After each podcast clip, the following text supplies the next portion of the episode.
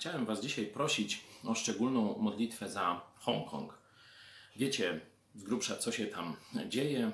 100 lat brytyjskiego panowania, potem oddano e, ten, to państwo praktycznie było angielską e, strefę, kolonię e, komunistycznym Chinom.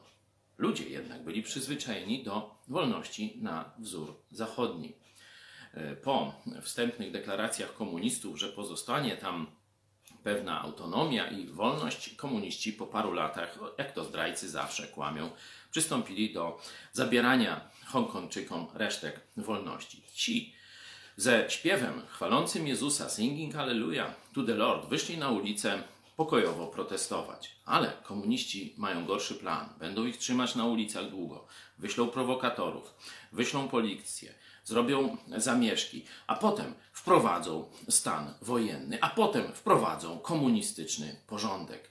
Dzisiaj mieszkańcy Hongkongu są bardzo, bardzo zagrożeni. Proszę Was o modlitwę za tych ludzi, którzy kochają wolność, za tych ludzi, którzy widzą Jezusa jako źródło wolności.